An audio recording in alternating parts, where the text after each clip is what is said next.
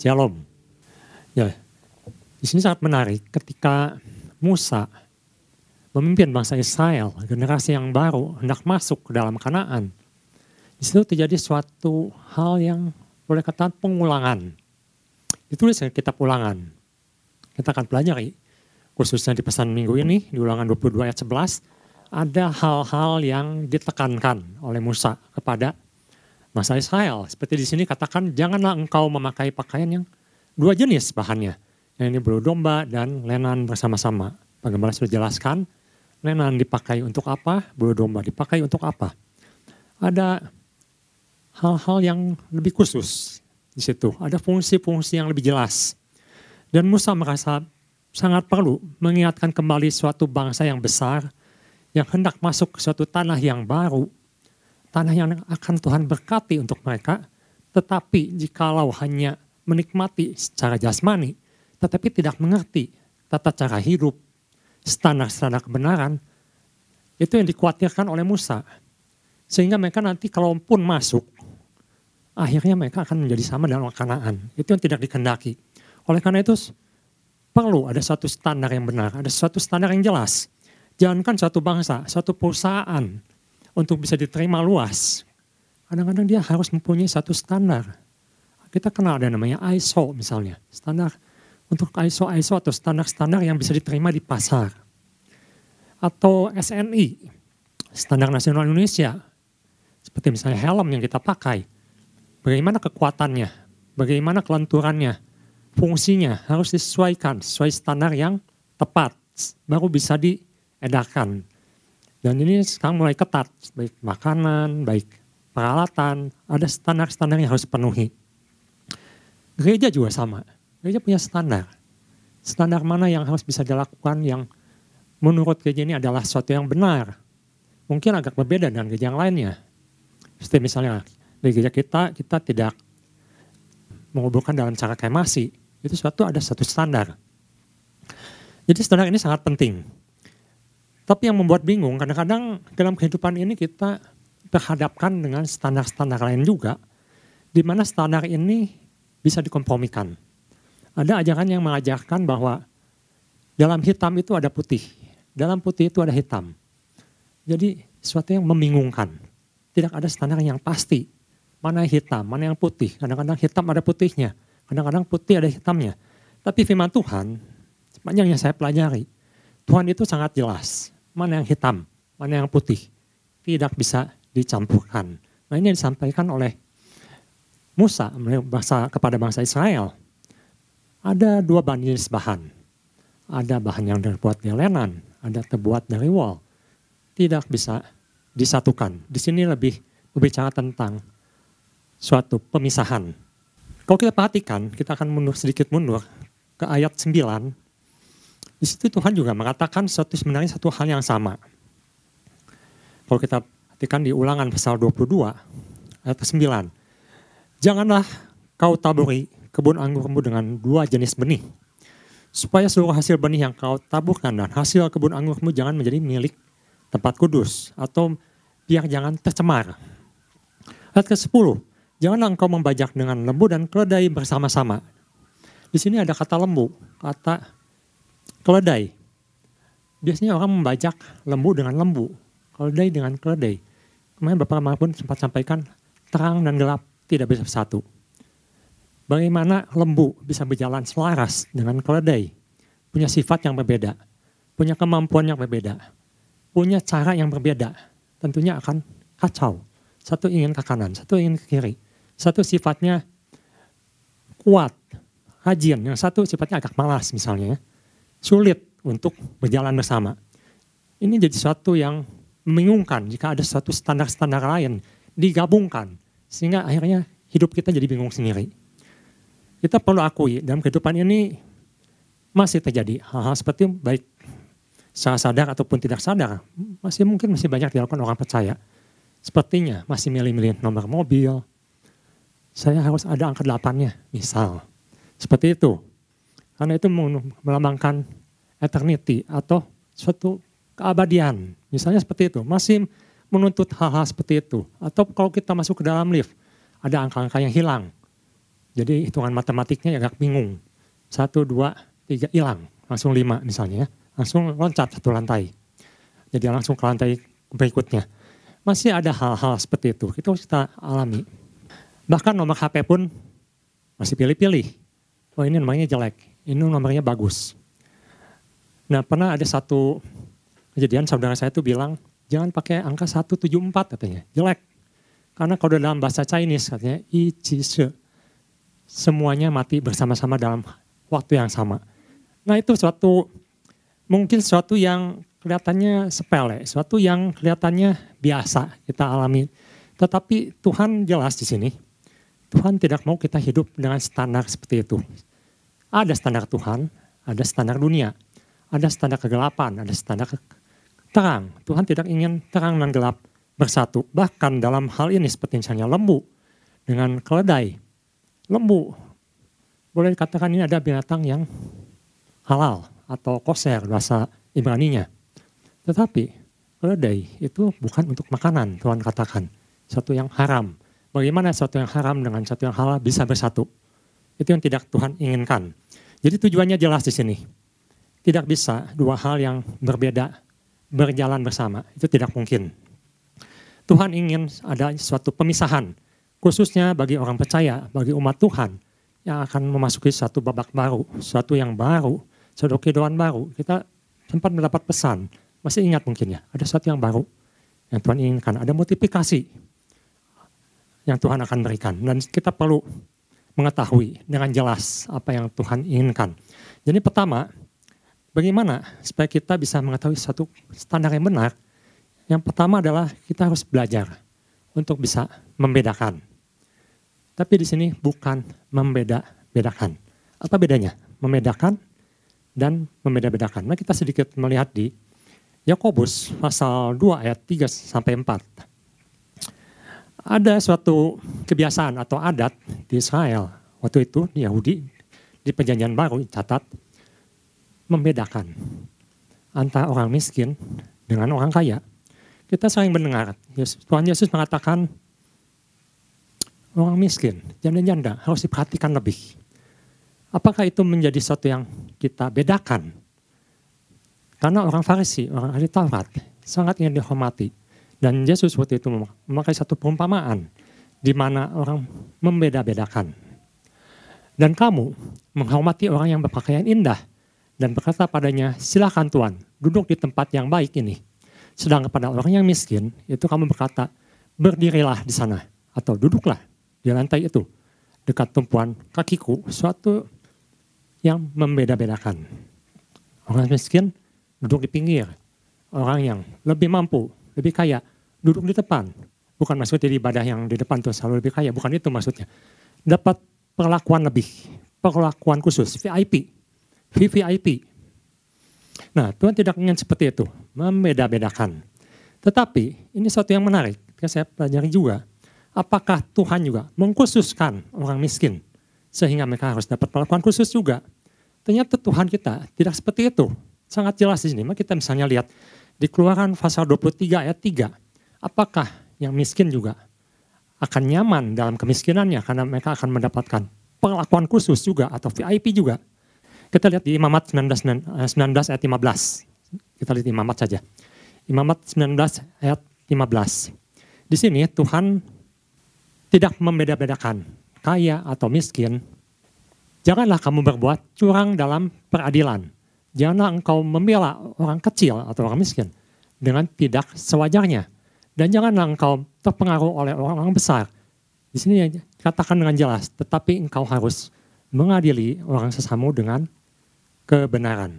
Baik miskin, baik kaya, semua harus diperlakukan dengan standar yang sama. Kita tidak boleh melakukan satu favoritisme atau satu ketindakan cenderung untuk membedakan. Baik itu kepada orang miskin sekalipun. Nanti bapak bisa cari ayatnya ada. Jadi Tuhan tidak membeda-bedakan. Tapi Tuhan membedakan. Tuhan membedakan. Ada kain lenan, ada kain wol, yang dipakai untuk atap, yang dipakai oleh imam.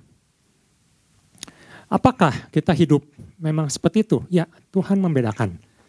mana umat yang kudus, mana umat yang tidak kudus, mana yang menjadi anak Tuhan, mana yang bukan menjadi anak Tuhan. Dalam 1 Petrus pasal 2 ayat 9 jelas sekali Tuhan mengatakan kamu adalah bangsa yang terpilih.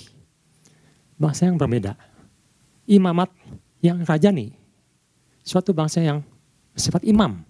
Ada imam di situ. Keimaman, hubungan dengan Tuhan. Yang rajani, bangsa yang kudus. Kepunyaan Allah. Jadi memang kita ini diciptakan Tuhan. Berada dalam pembedaan. Hidup berbeda ada satu perusahaan yang memakai slogan atau logo, itu namanya dia katakan be different. Jadilah berbeda. Jadi kalau mungkin dalam kehidupan ini kita menghadapi suatu situasi, kok saya dibedakan, kok saya berbeda dengan orang-orang yang belum percaya atau dengan orang yang di luar sana.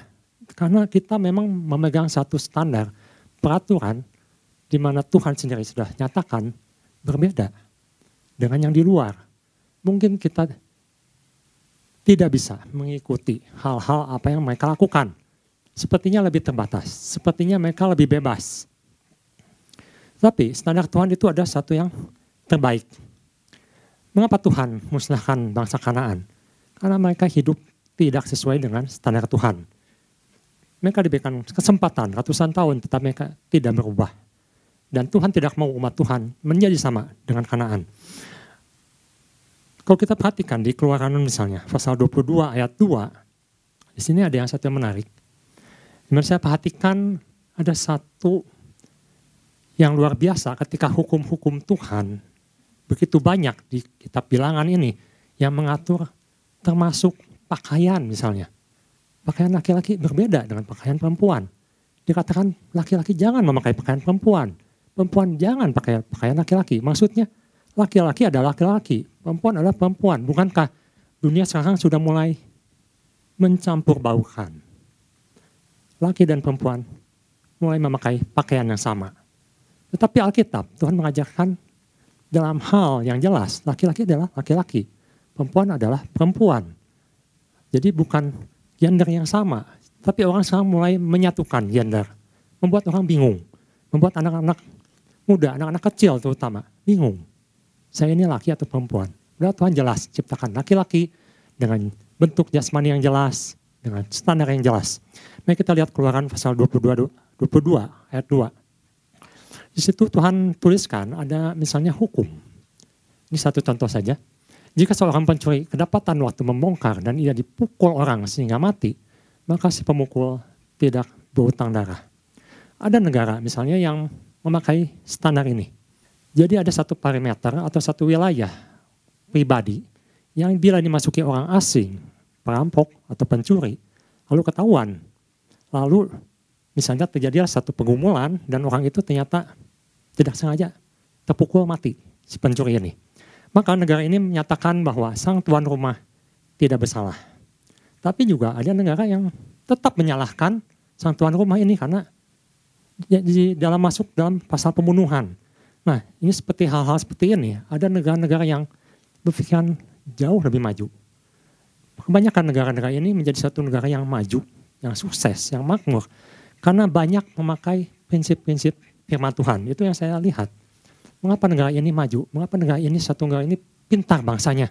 Saya perhatikan ketika mereka memakai prinsip-prinsip firman Tuhan. Demikian juga dalam keluarga kita. Ibu Bapak bisa perhatikan mengapa keluarga Yakub banyak pertentangan, banyak perselisihan. Itu disebabkan karena Yakub mempunyai salah satu sifat jeleknya itu dia suka membeda-bedakan. Dia beda-bedakan anaknya. Untuk Yusuf, dia kasih perlakuan VIP, VVIP, sangat khusus. Dia berikan jubah yang terbaik, jubah yang maha indah, jubah untuk raja. Untuk kakak-kakaknya, tidak pernah tercatat diberikan jubah yang sama. Yang lain boleh mengembalakan. Yang satu hanya mengawasi, hanya memberikan laporan. Itu sudah satu sikap double standar, di mana anak yang satu diperlakukan berbeda dengan anak yang lain. Ini membuat banyak sekali mungkin PR dalam kehidupan kita. Apakah saya juga masih memperlakukan anak-anak saya dengan perlakuan yang berbeda? Disiplin yang berbeda. tentunya kita perlu sangat membutuhkan hikmat Tuhan di sini. Kalau saya mungkin anak satu tidak terlalu masalah. Tapi kalau anaknya dua, tiga, empat, apakah yang satu harus diistimewakan? Apa yang satu harus diberikan fasilitas khusus? Saya yakin disiplinnya harus sama, hukumnya harus sama. Tapi mungkin cara penangannya bisa berbeda. Karena itu kita perlu sekali meminta hikmat Tuhan. Seperti misalnya yang dilakukan oleh Musa. Suatu hari, datanglah anak-anak Selafehat datang kepada Musa. Ibu bapak bisa baca nanti di Alkitab. Anak Selafehat ini semuanya perempuan. Tapi Tuhan bikin hukum bahwa yang mewarisi itu adalah laki-laki. Di mana perempuan itu masuk ke keluarga laki-laki. Ladangnya, miliknya menjadi keluarga laki-laki. Lalu anak Selafehat itu bertanya pada Musa, Musa, kalau begitu, lama-lama milik kami habis. Ini semua saudara-saudari kami ini perempuan semua. Bagaimana kami menangani hal ini? maka harta warisan orang tua kami akan berpindah kepada sang pria. Lalu Musa menyampaikan hal ini pada Tuhan dan Tuhan berikan solusi. Jadi standar Tuhan itu jelas, tapi Tuhan berikan solusi. Tuhan katakan, kalau begitu, yang dikatakan perempuan Selafehat ini adalah benar. Caranya bagaimana? Mereka harus merit atau menikah dengan yang sesuku. Sehingga kepemilikan satu suku itu tidak berpindah kepada suku yang lain. Itu adalah salah satu cara yang Tuhan sampaikan. Jadi yang pertama ini, kita harus belajar, kita harus tahu mana hukum yang benar, mana hukum yang salah, mana yang dunia arahkan yang salah. Kita harus tahu jelas. Karena sekarang semuanya diarahkan. Bagaimana kita tidak kadang-kadang masuk ke dalam satu pemikiran yang akhirnya kita sama dengan dunia. Sedangkan kita tidak menyelidiki apa yang firman katakan. Apa yang Tuhan inginkan, standar Tuhan kita abaikan. Itu suatu yang berbahaya. Karena akhirnya kita akan hidup sama dengan orang dunia. Nah ini yang tidak Tuhan inginkan. Dan Tuhan katakan, Musa sampaikan kembali. Sampaikan kembali. Diulang kembali. Mana yang menjadi standar Tuhan, mana yang menjadi standar kanaan. Jadi pertama kita harus bisa membedakan.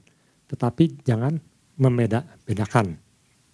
Yang kedua, kita akan belajar dari satu kasus di Alkitab di mana ketika seorang punya standar ganda ini akan membawa satu efek yang merusak, yang membahayakan dan juga membuat batu sandungan untuk orang lain. Kita lihat di Galatia pasal 2 ayat 11 sampai 14. Yang kedua adalah kita harus kembali kepada standar firman Tuhan. Galatia pasal 2 ayat 11 sampai 14. Di sini menarik. Kasus ini adalah terjadi di perjanjian baru dan ini terjadi kepada para rasul. Orang-orang yang diutus Tuhan, orang-orang yang dipercaya pada Tuhan. Tetapi rupanya ada satu tekanan di situ, khususnya dicatat oleh penulis Galatia ini, di mana ketika orang percaya waktu itu mulai masuk orang-orang asing atau orang non-Yahudi yang belum disunat. Seperti kalau ibu bapak nanti boleh baca di di pasal 2 ayat 3-nya, di situ mereka menuntut Titus untuk disunat. Mereka katakan, kalau kalian sudah percaya Yesus tapi tidak disunat, itu belum sah. Dan ini rupanya buat satu pertentangan dan menjadi suatu perpecahan dalam gereja. Nah, di Galatia pasal 2 ayat 11 ini, terjadi suatu kasus di mana waktu itu Petrus datang ke Antioquia di ayat 11. Tetapi di situ Paulus menegur Petrus. Ini adalah pertentangan di level atas, level pemimpin. Karena Petrus waktu itu kejadiannya adalah dia melihat begitu banyak orang di luar Yahudi yang bertobat. Dia bahagia, dia senang. Dan dia sangat mengerti saat itu. Kalau Tuhan sudah membukakan pintu untuk umat Tuhan di luar Yahudi. Kita tahu bahwa Petrus waktu itu datang ke rumah Cornelius, orang Romawi, bukan orang Yahudi. Tetapi Tuhan nyatakan kasih kepada orang di luar Yahudi. Dan Petrus sangat mengerti hal itu. Oleh karena itu di ayat 12 dikatakan, sebelum beberapa orang di kalangan Yakobus datang, ia makan sehidangan. Petrus makan bersama-sama dengan orang bukan Yahudi. Dengan saudara-saudara yang tidak bersunat.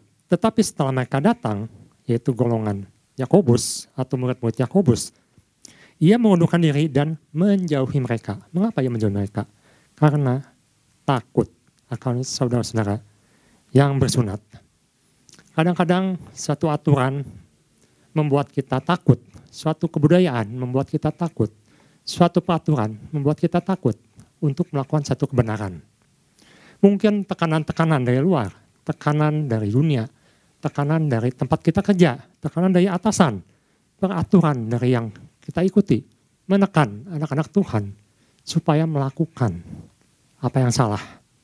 Kita tahu di sini, Petrus sadar benar, dia melakukan hal yang salah ketika dia meninggalkan golongan orang bukan Yahudi dan dia mulai pura-pura tidak makan dengan mereka. Sebenarnya kalau kita perhatikan di sini, golongan Yakobus itu mungkin ada sedikit mempertentangkan mengenai hal sunat ini. Sehingga Petrus ketika melihat mereka datang, ia terintimidasi. Hal intimidasi ini membuat anak-anak Tuhan sering mundur dari kebenaran firman Tuhan lebih suka berkompromi dengan standar di luar Tuhan karena merasa lebih aman.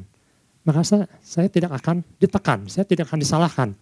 Saya akan diam-diam saja di situ. Saya akan aman-aman saja di situ. Tetapi yang menarik di sini, ada satu orang yang tidak kompromi. Namanya Paulus. Dia melihat, meskipun Petrus itu adalah seorang pemimpin, meskipun dia seorang pemimpin agama, tetapi kebenaran Tuhan itu harus tetap dinyatakan. Di sini katakan ayat 13, dan orang-orang Yahudi pun yang lain pun turut munafik dengan dia sehingga Barnabas sendiri turut terseret oleh kemunafikan mereka. Kita lihat dampaknya. Seorang berbuat salah itu bukan hanya untuk dirinya sendiri. Dia diperhatikan, dia ditonton. Paulus sempat menuliskan dalam satu kitab, kita ini seperti orang yang bertanding diawasi oleh semua orang. Semua orang melihat dan apa yang Petrus lakukan ini, itu berdampak. Sehingga bukan hanya Petrus yang melakukan, orang lain pun terbawa. Orang lain menjadi ikut-ikutan. Untuk level Petrus, dia mengerti. Tetapi untuk level yang lain, apa mereka mengerti apa yang mereka lakukan. Suatu kesalahan, satu dosa yang dilakukan, semua ikut berdosa. Semua ikut menjadi salah. Dan ini bukan hanya berdampak ternyata hanya kepada orang biasa, Barnabas, seorang yang boleh katakan seorang pengajar, seorang rekan Paulus, seorang yang hebat, seorang yang sangat mengasihi Tuhan, bisa terbawa ke arah yang salah.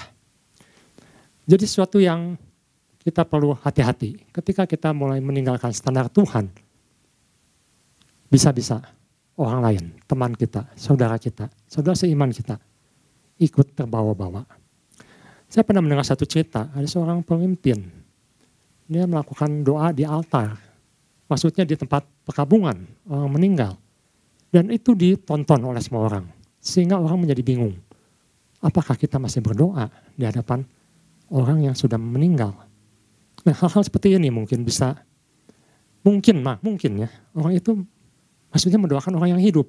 Tetapi satu sikap yang salah bisa menyeret atau membuat orang percaya menjadi bingung termasuk pengajaran-pengajaran yang sekarang banyak sekali beredar, bisa mengenai perpuluhan lah, mengenai tunggal lah.